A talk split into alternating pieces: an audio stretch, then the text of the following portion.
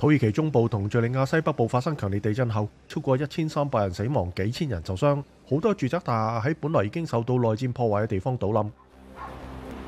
智利森林大火導致最少二十四人喪生，當局歸咎於不正常嘅高温。大火喺智利中部聖胡安拿真附近連續燃燒咗五日。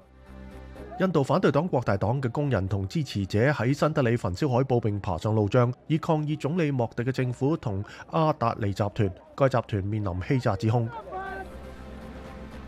法国巴黎东部嘅马恩河畔查理，一部烘干机发生故障，引发火灾，导致一名母亲同最少七名儿童丧生。